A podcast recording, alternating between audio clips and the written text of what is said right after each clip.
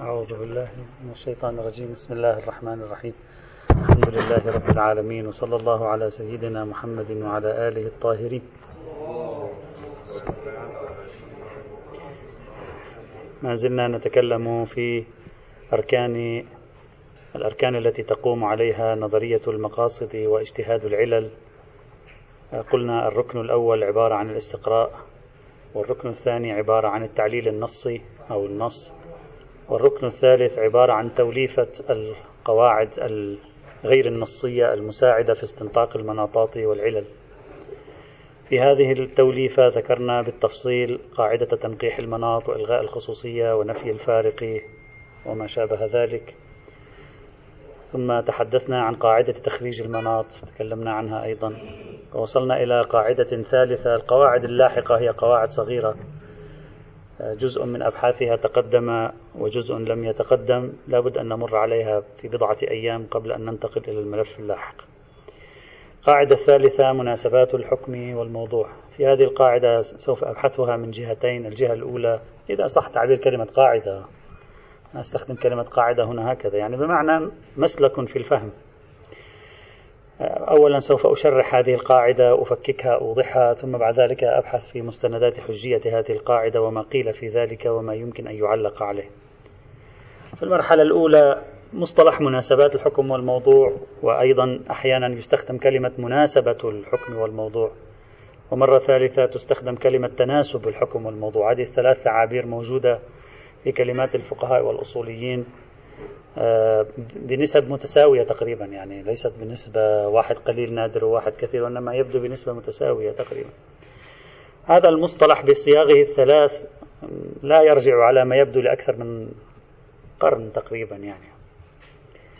مصطلح شيعي إمامي اثنى عشر فقط. لو لم أجد له وجودا أصلا في كتابات المدارس الفقهية والأصولية الأخرى. وحتى في الفضاء الإمامي هذا المصطلح لا يرقى إلى أكثر من مئة عام. لعل أقدم من استخدم هذا التعابير الميرزا النائيني والمحقق العراقي ثم بعد ذلك جاءت جاء استخدام هذه التعابير في كلمات الأجيال اللاحقة وصولا إلى يومنا هذا. يعني بتعبير دقيق يمكنني القول بأن هذا المصطلح وما يشبهه ظهر في النصف الأول أو في بدايات القرن العشرين إذا أردنا أن نكون دقيقين أو في النصف الأول من القرن العشرين. بحسب المراجعة المتواضعة التي قمت بها لا توجد دراسة مستقلة حول هذا المفهوم مفهوم مناسبات الحكم الموضوع. ما عندنا دراسة مستقلة ولم يفرد لها باب في أصول الفقه في حدود معلوماتي باستثناء ولا في الفقه أيضا باستثناء ما طرحه السيد الشهيد محمد باقر الصدر في صفحة واحدة تقريبا من كتاب دروس في علم الأصول في الحلقة الثانية وشرحه شراح الكتاب بشروحات يعني توضيحية فقط لا أكثر ولا أقل.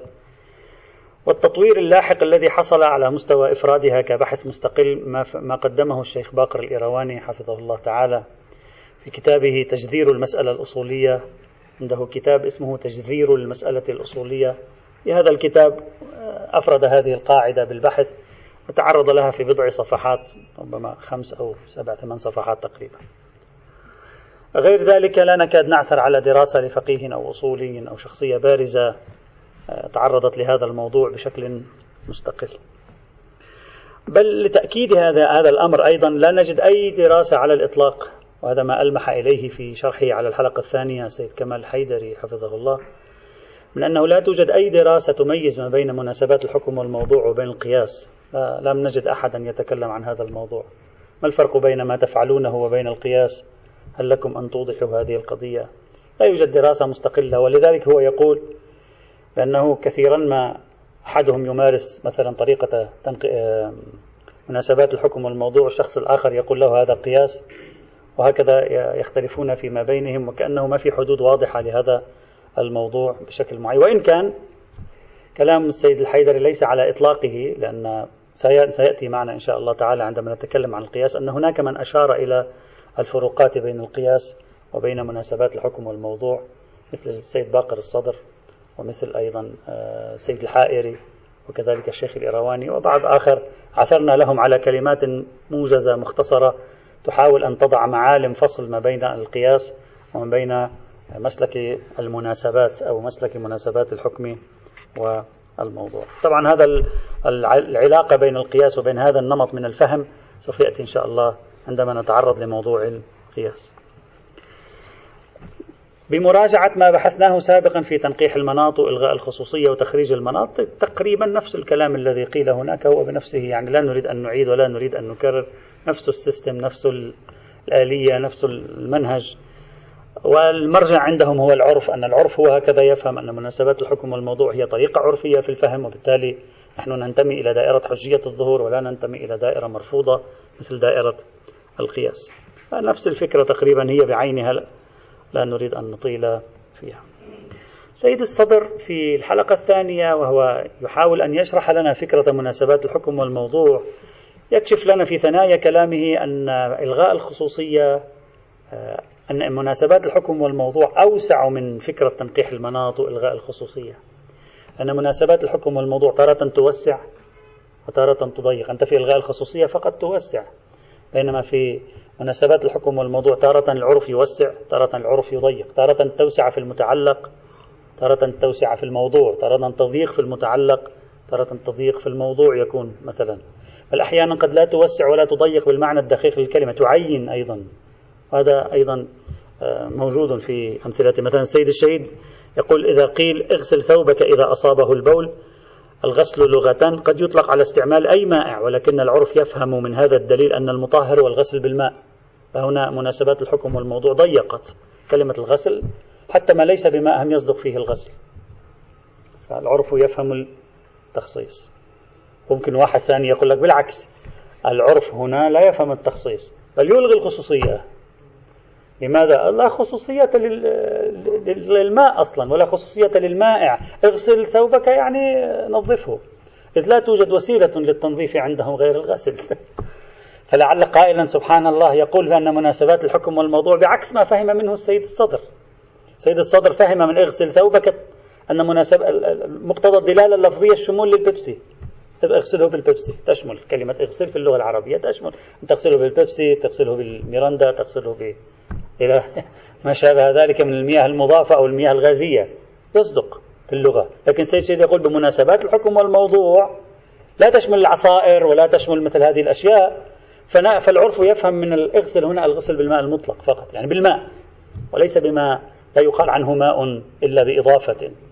ممكن شخص في المقابل يقول لا أصلا ممكن نحن نفهم من العرف أنه عندما قال إغسل يعني يريد أن يقول نظفه لا طريقة للتنظيف إلا الغسل. بل هذا عليه شواهد إخواني الأعزاء. أحد الإخوة الذين كانوا معنا هنا في العام الماضي آه، يتابع الدرس وقد استمع إلى بحث الاستقراء.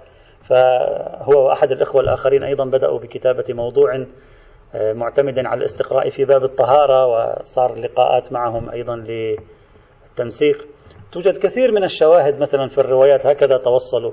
إلا أن العبرة بالتنظيف رفع الاستقذار العرفي لا خصوصية لهذه التفاصيل الفقهية الموجودة. إذا شخص جاب شواهد من الروايات حينئذ بضمها إلى كلمة اغسل العرف بمناسبات الحكم والموضوع المنضمة إلى الاستقراء يمكن أن يقول لا خصوصية للغاسل أصلا. مش أن الغسل نقيده بالماء أصلا الغاسل لا خصوصية له. المهم التعقيم والتنظيف. فلو كان بالبخار أو بالوسائل الحديثة تستطيع أن تجعله أكثر نقاء من أن تغسله بالماء. فعلى على حال تعرفون الفرق ما بين النموذج الفرنسي والنموذج البريطاني حول قضية التطهير بالماء. الغرب مختلفون في هذه القضية. فالنموذج الفرنسي على ما أذكر أنا هذا قاري قديما النموذج الفرنسي كان يعتمد التطهير بالماء. يعني في, في أماكن الخلاء التطهير بالماء كما هو عليه الحال عند المسلمين. يعني كما هو الحال عندنا هكذا.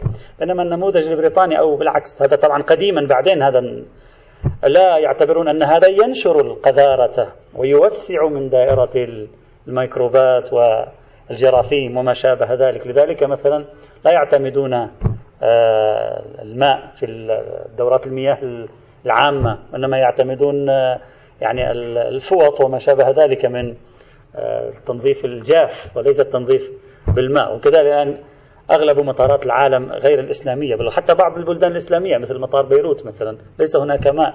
إذا دخلت إلى بيت الخلاء أشرك الله وإنما تمشي على طريقة البلدان الغربية مثلا.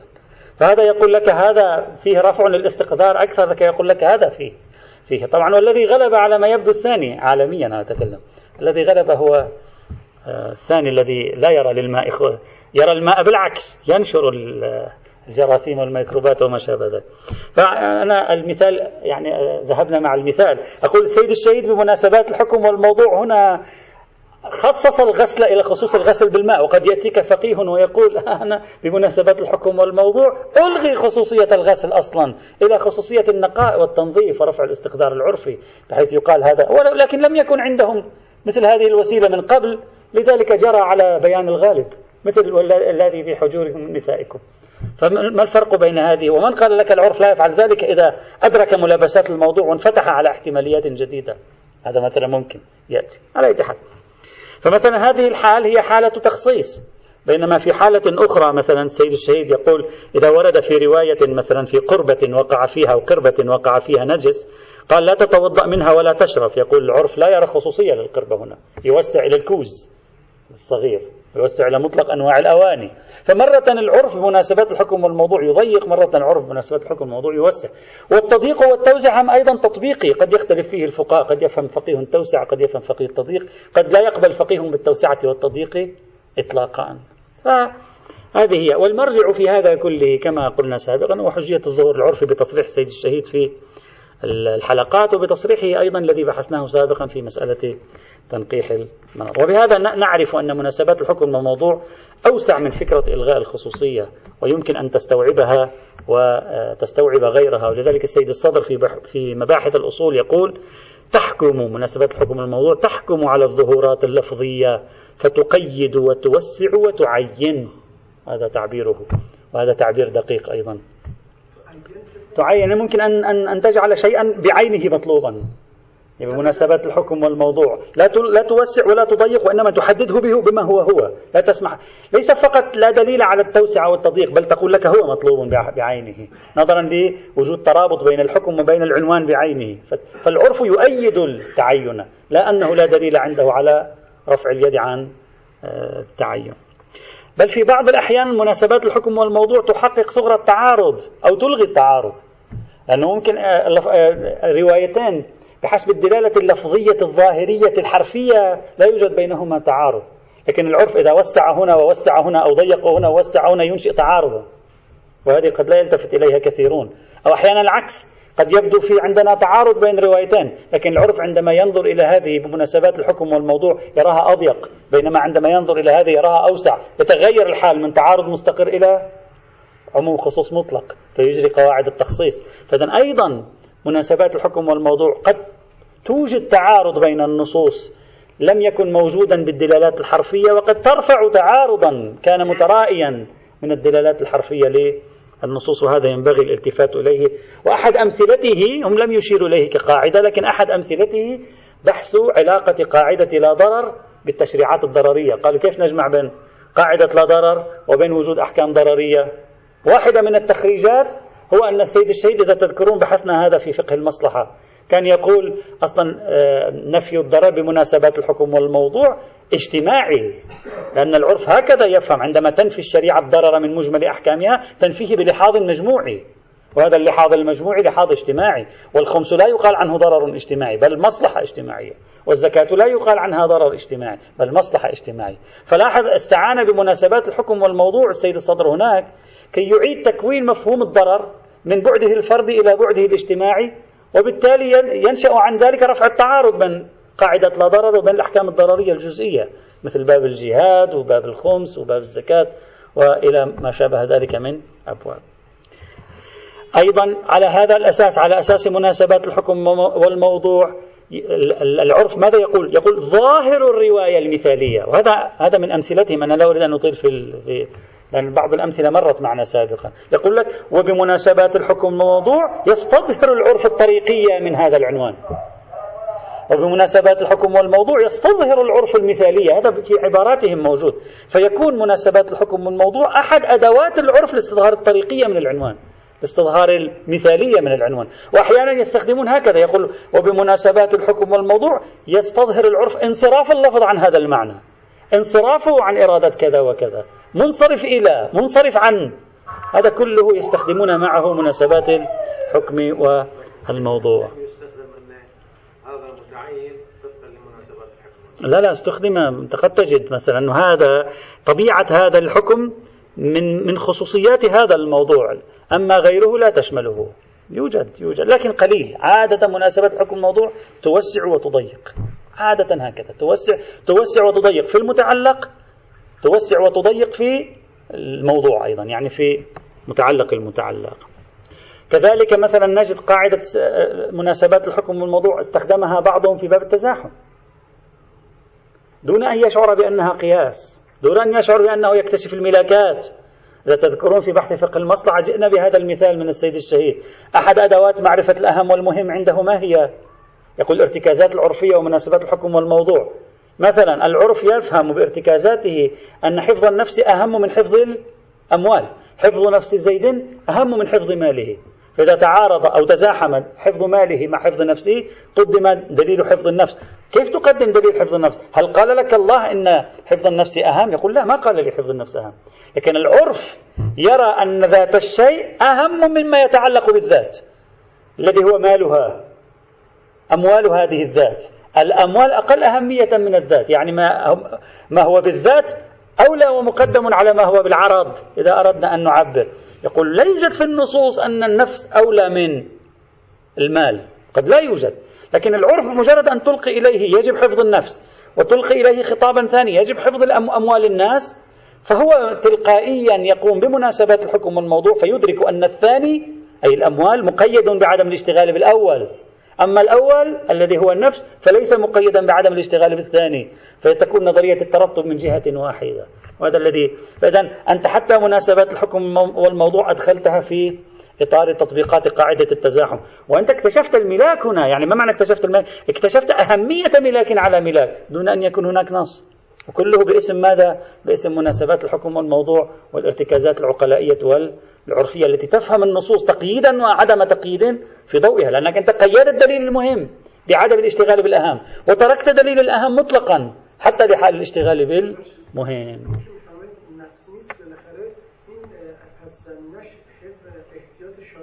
لا لا لا لا. هذا تخريج. لكن أنا جئت بمثال السيد الصدر يقول السيد الصدر أحد تخريجات تقديم حفظ النفس على المال هو مناسبات الحكم الموضوع. نعم لك أن تقول عندي تخريج آخر لكن أنا أعطي مثال الآن. يعني سيد الشهيد لو قلت له لا يوجد أي دليل على أهمية حفظ النفس نسبة لحفظ المال يقول لك لست بحاجة إلى دليل. نفس أن المولى يقول احفظ النفس ثم يقول احفظ المال الارتكازات العرفية تأتي يأتي الخطابين إليه إليها يقيد هذا ولا يقيد هذا. وهذا يعني أهمية هذا على هذا. يعني يريد أن يقول بنفس الارتكاز نكتشف الأهمية. أنه كان بصدد البحث عن وسائل اكتشاف الأهمية وطرق إثبات الأهمية. فإذا هذا يعني أنه كم حجم نظرية مناسبات الحكم من الموضوع متسع في التضييق في التوسعة في باب التعارض في باب التزاحم في تحقيق الانصرافات في استظهار الطريقية والمثالية وما شابه ذلك فلا آه، نطيل. فإذا هذا يدل على أن هذا هذه الطريقة في الفهم تقع على النقيض من طريقة الفهم الدقي الحرفي. لأن كلها متحررة من الفهم الدقي الحرفي. لأن لا تجمد على على التعابير الموجودة في الرواية.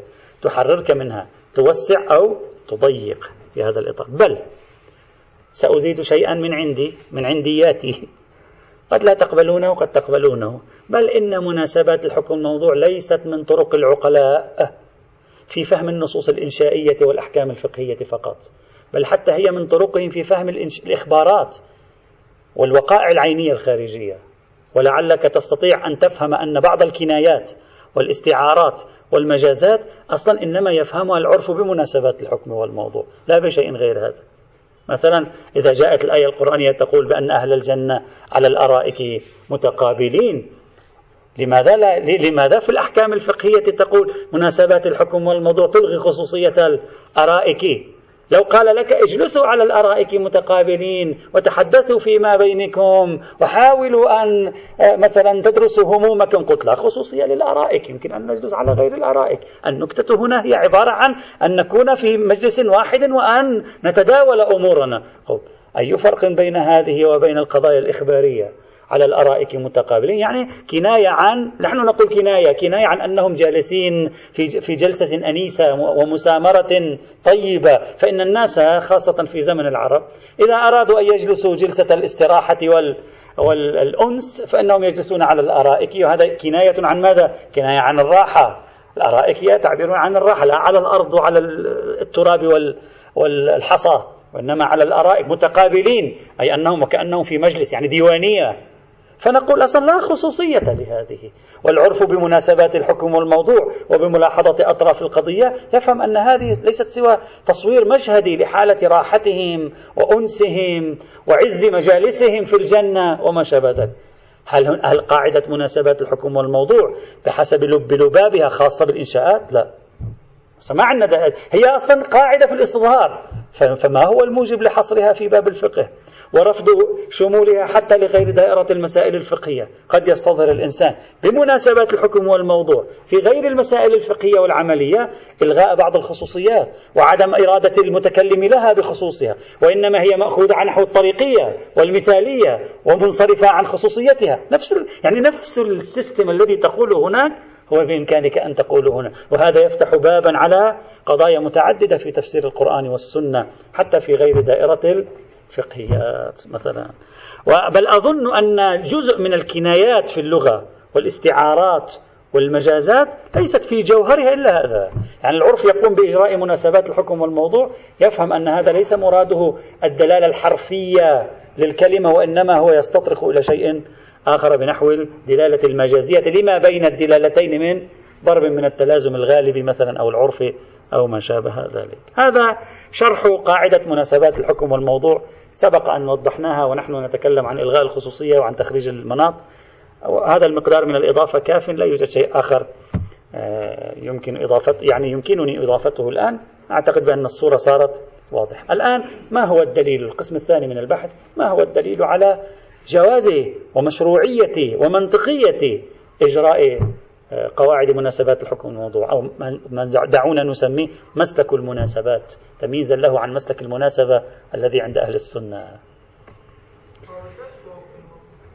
قلنا الرابطة أنه أعم من إلغاء الخصوصية يتداخل معه في بعض جملة من موارد إلغاء الخصوصية إن لم يكن جميعها مرجعه إلى ضرب من مناسبات الحكم والموضوع أيضا. الذي يظهر بمراجعة أولئك الذين آمنوا والظاهر أن إجماع المتأخرين المتأخرين عليه يظهر من الذين آمنوا وأجمعوا على مسلك المناسبات بين الحكم والموضوع أنه مرجعية العرف. هذا مر معنا يعني لا نحتاج إلى أن نطيل فيه أن هكذا يفهم العرف. العرف عندما تلقي إليه هذا الخطاب اغسل يدك يفهم يعني بالماء. لا يفهم بمطلق المياه. وعندما تقول له طهر القربة التي هي نجسة لا يفهم خصوصية للقربة. يقول مطلق الوعاء كوز وغيره أيضا. طيب. إذا المرجعية ما هي الظهور العرفي؟ والظهور العرفي حجة دليل كبرى حجية الظهور. إذا هذه هي كل الإطار التبريري لكل هذه الآليات من الفهم التي تتخطى حرفيات النصوص على أساس أن العرف هو الذي يمارس كل هذه العملية. طيب كيف يمارسها العرف؟ أيضا شرحنا سابقا العرف بواسطة ارتكازاته وتصوراته لطبيعة هذا الموضوع ويعرف آه، يعني الغايات من وراء هذا الشيء عندما يأتيه النص لا يعرف أنه لا خصوصية للقربة هنا القضية هي قضية وعاء القضية هي قضية تطهير لا قضية خصوصية قربة مثلا إلا إذا جاءته قرينة خاصة أو مانع ما يجعله يرفع يده في الموضوع مثل رواية الطست أو الطشت. هذه الرواية مثلا ربما يعني يضطر إلى أن يعني يتقيد بها لأن هناك قرائن مثلا خاصة في المورد تمنعه عن أن يجري ما يجريه في العادة. هذا هو المسلك. إلا أن الشيخ الإيرواني حفظه الله حاول أن يأتي بأكثر من دليل على حجية مسلك المناسبات هذا. ذكر ثلاثة أدلة وأصر على أنها ثلاثة وليست باثنين. الدليل الأول الظهور العرفي. المعطيات التي يقدمها تقدمها مناسبات الحكم والموضوع تشكل قرائن ارتكازية متصلة يفهم العرف الكلام من خلالها وبالتالي يندرج الأمر ضمن كبرى حجية الظهور. وهذا هو الذي رأيناه عند كل الذين استخدموا مسلك المناسبات بأي تعبير كان. يضيفون كلمة عرفا واضح من كلامهم إرادة العرف. دليل الثاني. الآن أرجو الانتباه لهذا الدليل. يقول الشيخ الإيرواني المتكلم عندما يتكلم المتكلم عندما يتكلم يعرف أن العرف هكذا يفهمون منه هكذا سيفعلون معه. هو عندما يتكلم بهذه الطريقة ويدرك أن العرف سوف يتعاملون مع نص هكذا. لماذا؟ لأن العرف هم هكذا. أسلوب المحاورة عندهم هكذا. أسلوب المحاورة عندهم قائم على إلغاء الخصوصيات وملاحظة المناسبات وتخريج المناطات وتنقيح المناطات إلى آخره. طيب إذا هذا اسمه أسلوب محاورة بين أهل العرف. ما هو أسلوب المحاورة؟ هو أن المتكلم يتكلم على أساس مناسبات الحكم والموضوع وأن المتلقي يأخذ على أساس مناسبات الحكم والموضوع. فلما يجي الله سبحانه وتعالى ويجي النبي والإمام عليهم السلام يتكلم بنفس طريقة أسلوب المحاورة العرفية إذا هو ألزم نفسه فألزموهم بما ألزموا به أنفسهم. يعني هو نفس أنه دخل إلى وسطنا واستخدم أسلوبنا في المحاورة إذا هذا معنى أنه ألزم نفسه بأن نتعامل مع نصوصه بنفس طرائقنا في التعامل مع نصوص بعضنا في أسلوب المحاورات. نعم هذه هذه مواضعات لغوية. هكذا نحن نتعامل مع بعضنا. فلما دخلوا على الخط لم يقل لا تتعاملوا معي بهذه الطريقة إذا معناه هو يجب عليه أن يخضع للقانون. الآن سنتكلم. هو هذه النقطة التي سوف سنرى. هل هل يعني الشيخ الإيرواني أصر على أن هذا اسمه أسلوب المحاورة وذاك اسمه الظهور العرفي وأن دليل ذاك هو كبرى حجية الظهور ودليل هذا هو السيرة وفصل بينهما. وبذلك اعتبر أنه عندنا دليلين على مسلك المناسبات هنا. هذه هي النقطة التي يعني الإضافة التي قدمها الشيخ الإيرواني. فإذا بناء عليه مرة نعتمد على حجية الظهور مرة نعتمد على تباني العقلاء وسيرتهم في استخدام أسلوبهم في المحاورة. الأول كبرى حجية الظهور الثاني أن المولى دخل ولم يعترض على هذا الأسلوب وهو جزء منهم فلا بد أنه وافق على إجراء أسلوب المحاورة. هو هكذا يعبر عنه بأسلوب المحاورة. هذا الدليل الثاني. الدليل الثالث نذكر أدلته وبعدين نعلق. الدليل الثالث. قال إذا لم يصح الأخذ بمسلك مناسبة الحكم والموضوع يلزم تأسيس فقه جديد. إذا ما تقبل معي بمسلك مناسبات الحكم والموضوع. يعني زرارة لما يقول نزل على ثوبي دم رعاف ماذا أفعل؟ قال له كذا وكذا وكذا وكذا. هذا خاص بزرارة. وليس بزرارة بثوب زرارة. إذا ثوب لواحد ثاني وكان لابس زرارة أم لا يجوز يمكن. قال ثوبي الظاهر في الملكية مثلا. على هذا لا يبقى شرع. هذا لا مش يلزم هو عبر بيلزم منه فقه جديد. يمكن قصده يلزم منه عدم وجود فقه. لا قديم ولا جديد. لعل هكذا يقصد. يقول هذا أيوة فقه هذا. تتغير كل الأحكام الموجودة ونقطع ببطلانه. فالقطع ببطلان اللازم قطع ببطلان الملزوم. ما هو الملزوم؟ عدم استعمال مناسبات الحكم. هذا قد نقطع ببطلانه إذا نقطع بصحة نقيضه. يعني صحة مناسبات الحكم والموضوع. هذا الدليل. إذا ثلاث أدلة. اندراج قانون المناسبات ضمن كبرى حجية الظهور وهذا ما عليه البقية. اثنين اندراج قانون المناسبات ضمن شيء اسمه الزام المتكلم نفسه بقانون المحاورة وأسلوب المحاورة. ثالثا إن لم نأخذ به يلزم من ذلك تأسيس فقه جديد. هلأ إذا سمعه أولئك المتحمسون للفقه الجديد سوف يقولون له جيد أرشدتنا إلى طريق لتأسيس فقه جديد. لأنه بعضهم يريد أن يؤسس فقها جديدا مثلا. فقه جديد؟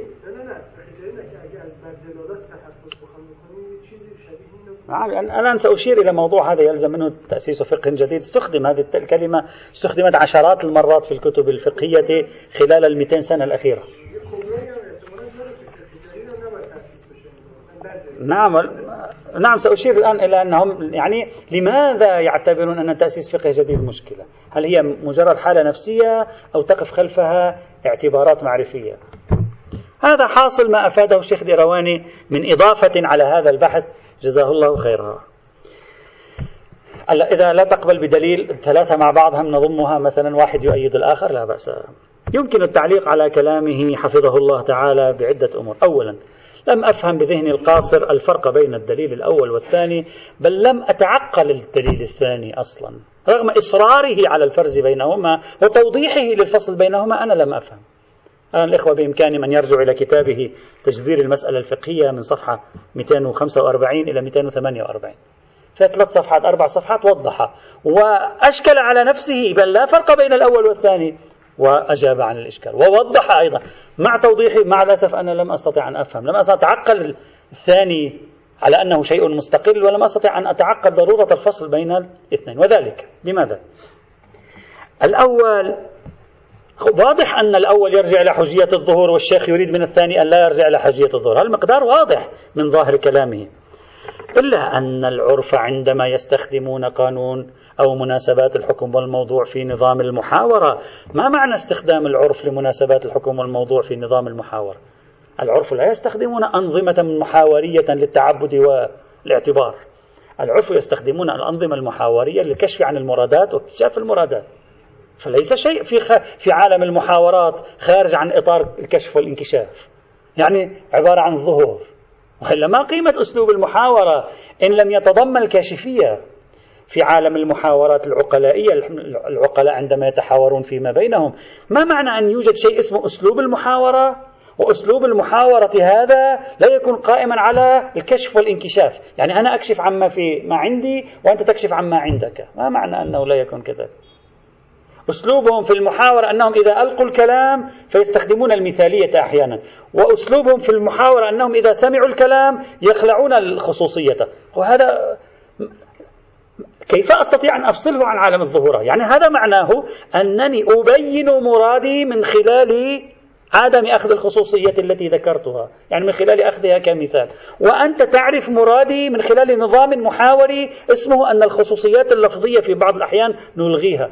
هكذا معناه فلم أفهم ما معنى وجود أسلوب محاورة المولى إذا دخل عليه ألزم به وأسلوب المحاورة العقلاء هذا فيما بينهم خارج عن إطار عالم التفاهم والتفهيم. يعني نحن لا نتكلم في الأصوات نحن لا نتكلم في التفننات نتكلم في في مناسبات الحكم. والموضوع هو وسيلة من وسائل التفهيم فيما بينهم. أنا أفهم كلامي بواسطة هذا النظام أنت تفهم كلامي بواسطة هذا النظام. وإلا ما معنى أن العقلاء عندهم مناسبات الحكم والموضوع خارجة عن عالم الظهورات؟ اسمه أسلوب محاورة.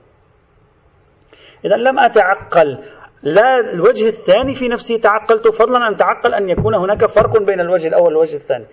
العقلاء لديهم أسلوب محاورة يعتمد مناسبات الحكم والموضوع نعم صحيح. أما أن هذا الأسلوب هو شيء آخر مستقل قائم بنفسه له هوية مستقلة منفصل عن عالم التفهيم والتفهم ومفروض أن عالم التفهيم والتفهم هو عبارة عن عالم الظهورات. يعني كشف المراد وانكشاف المراد استنطاق المراد من الكلام وما يحيط به التعبير عن المراد بالكلام وما يحيط به. غير هذا أسلوب المحاورة لم أفهم مراد الإخوة. راجعوا الكتاب أرجو أن يراجعوا الكتاب.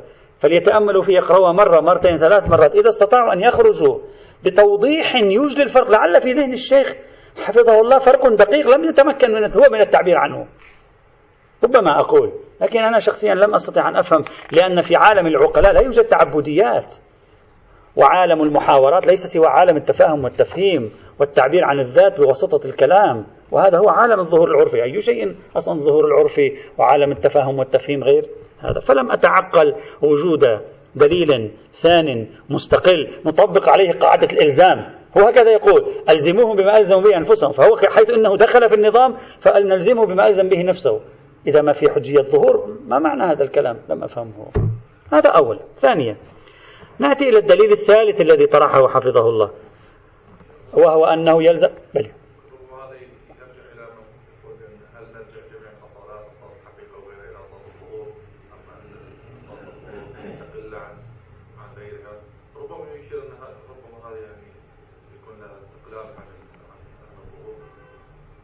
إذا لم يرجع إلى كبرى حج. أصالة الظهور ذاك شيء. كبرى حجية الظهور أصالة الحقيقة. وأصالة ال ال ال ال مثلا أن اللفظ يدل صيغة الأمر على كذا. هذه الأصول كلها لابد أن ترجع إلى إلى كبرى حجية. نحن نتكلم في صغر الظهور. نحن نتكلم في كبرى حجية الظهور. صغر الظهور يحققها لمناسبات الحكم والموضوع. خلي يحققها بطريقته. لكن في نهاية المطاف من يمنح الحجية هو كبرى الظهور حجية الظهور.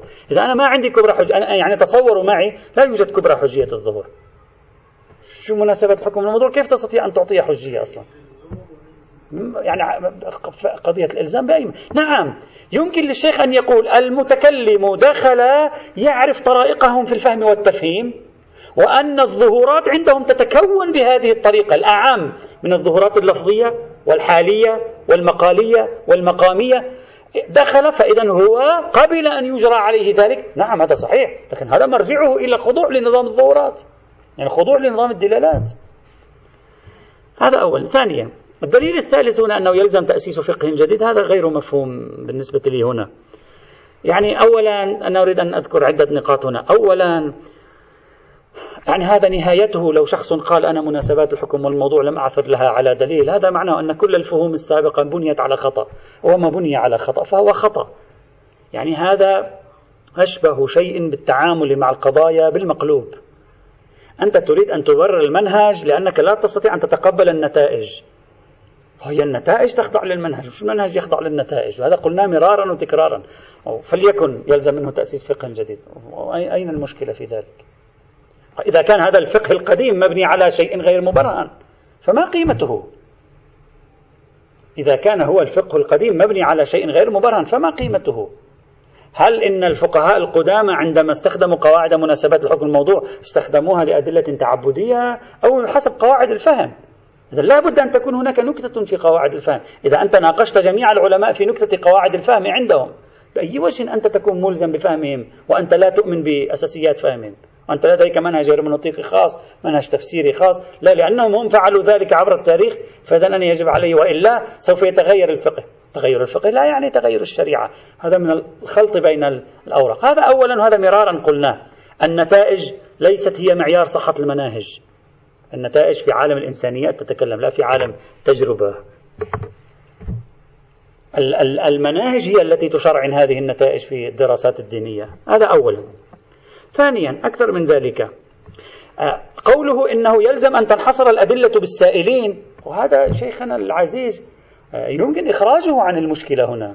هذا يخرج بقاعدة الاشتراك وهذا فعله الانسداديون الذين لم يستطيعوا أن يتقبلوا حجية الظهور. الانسداديون سدوا باب الظهور. ومع ذلك حلوا هذه المشكلة على قاعدة الاشتراك.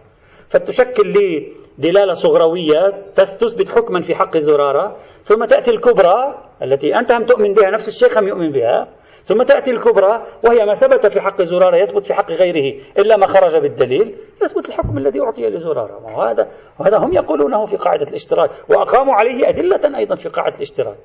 وأنها تشمل العالم والجاهل والذكر والأنثى والسائل وغير السائل والغائب والحاضر والمشافى وغير المشافى والمقصود بالإفهام وغير المقصود بالإفهام. هذا هو الشيخ بنفسه قرر قاعدة الاشتراك في بحوثه الأصولية بحيث تشمل هذه جميعا حتى لو كانت الدلالة اللفظية لا تشمل.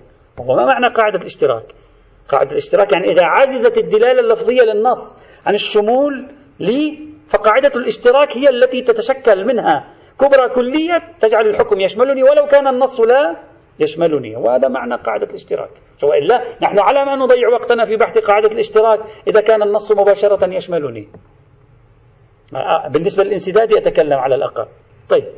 فإذا هذه خارجة. التخويف بمسألة عدم وجود أحكام لغير السائلين هذه لها حلها الخاص ولا ينبغي إقحامها في موضوع بحث. والغريب الغريب. أن الشيخ الإيرواني حفظه الله تعالى في بحث قاعدة نفي الضرر. الشيخ النائيني هناك قال بأن الأحكام الضررية بأن قاعدة نفي الضرر تشمل الأحكام الوجودية والأحكام العدمية. ما معنى الأحكام الوجودية العدمية؟ يعني إذا امرأة يلزم من من بقاء علقة الزوجية بينها وبين زوجها يلزم ضرر عليها. امرأة يلزم من بقاء علقة الزوجية بينها وبين زوجها ضرر عليها. هل يمكن أن نجري قاعدة نفي الضرر لكي نجري الطلاق معها حتى لو لم يقبل الزوج؟ اختلفوا. السيد اليزدي في العروة قبل الميرزا النائين تقعيدا قبل في المباحث الأصولية قال ما في مشكلة. يعني أحد لا عفوا طرح القضية الميرزا النائيني بعض آخر قال لا لا نقبل. منهم الميرزا النائيني إشكال الميرزا النائيني ماذا كان هناك؟ كان هكذا. لو قلنا بجريان قاعدة لا ضرر في الأحكام الوجودية والعدمية معا يلزم من ذلك تأسيس فقه جديد. وهناك علق عليه الشيخ الإيرواني بنفسه. أنا كنت في مجلس درس الشيخ الإيرواني في هذا التعليق وموجود الآن في كتابه القواعد الفقهية أيضا. هذه عبارته. قال إن ما ذكره أي الميزة النائيني ليس إلا مجرد شعار وإعلام. يعني حكي إعلام. شعارات هذه تخويف ودق طبول الحرب. لا أكثر ولا أقل. فقد نقل فقد نقل هو قدس سره أن السيد الطباطبائي اليزدي في ملحقات العروة يرى إمكان الحكم بثبوت حق الطلاق لغير الزوج تمسكا بحديث لا ضرر. والمناسب أن يقال الآن يعطي رأيه الشيخ الرواني يقول والمناسب أن يقال بشمول الحديث حديث لا ضرر للأحكام العدمية يعني والوجودية أيضا. يعني ترفع الأحكام الوجودية وتلغي الحكم العدمي فتثبت حكما في مقابله وجودي أنا والمناسب أن يقال بشمول الحديث للأحكام العدمية والالتزام بما يؤدي إليه من نتائج فيما إذا لم يكن هناك إجماع على خلافها. ومجرد عدم كونها معروفة بين الفقهاء لا يمنع من التمسك بعموم الحديث. شيخنا الجليل أستاذنا العزيز نفس الذي قلته هنا يمكن أن نقوله في بحثنا. قل بأن مناسبات الحكم الموضوع قاعدة فاسدة إلا في كل مورد يلزم منه خرق الإجماع. الإجماع يكون دليل على ملء فراغ من قاعدة مناسبات الحكم والموضوع حينئذ. أو أو تقول مناسبات الحكم معذرة بالعكس. تقول بحجية مناسبات الحكم والموضوع والموضوع مثلا إلا ما خالف إجماعا فنقله إذا كانت القضية هكذا إما نقول بالقاعدة المناسبات أو نرفض قاعدة المناسبة. إن واجهها إجماع في الموارد نقيدها بعدم وجود إجماع أو نسد ثغرتها بوجود إجماع. هو نفس الكلام هو الكلام حينئذ. فتمييزه بين الموردين لا أفهمه على أي حال. نعم. السيد الشهيد الصدر لديه محاولة في باب مسألة الفقه الجديد غدا نختم بها ونشرع في بحث مسلك الاعتبار ودوره في تخطي النصوص. ومن المناسب إخواني الأعزاء لأي بحث لأي شخص يرغب في كتابة بحث أو أطروحة ماجستير أو ما شابه ذلك أن يأخذ فكرة آه، محظور تأسيس فقه جديد في أدبيات الفقهاء المسلمين. يتتبع كل كلماتهم يرى ما النكتة التي كانت خلف قولهم هذا. ما مناشئ هذا القول؟ تحليله نفسيا تحليله معرفيا وتفكيكه لعله يصل إلى طرح معين يؤيد أو يعارض. يصلح لمقالة لأن حجم استخدامهم لهذه المفردة كثير طبعا خلال 200 سنة الأخيرة. قبل ذلك لا. خلال أغلبه خلال 200 300 سنة الأخيرة. غدا أشير انتهى الوقت الآن. غدا أشير إلى نقطة صغيرة أحب أن أعلق عليها في كلام السيد الشهيد ليست يعني لا أريد أن أبحث في موضوع الفقه الجديد. ثم ننتقل إلى بحث مسلك الاعتبار ودوره في تخطي النصوص وتجاوز حرفيات الكلام. الحمد لله رب العالمين.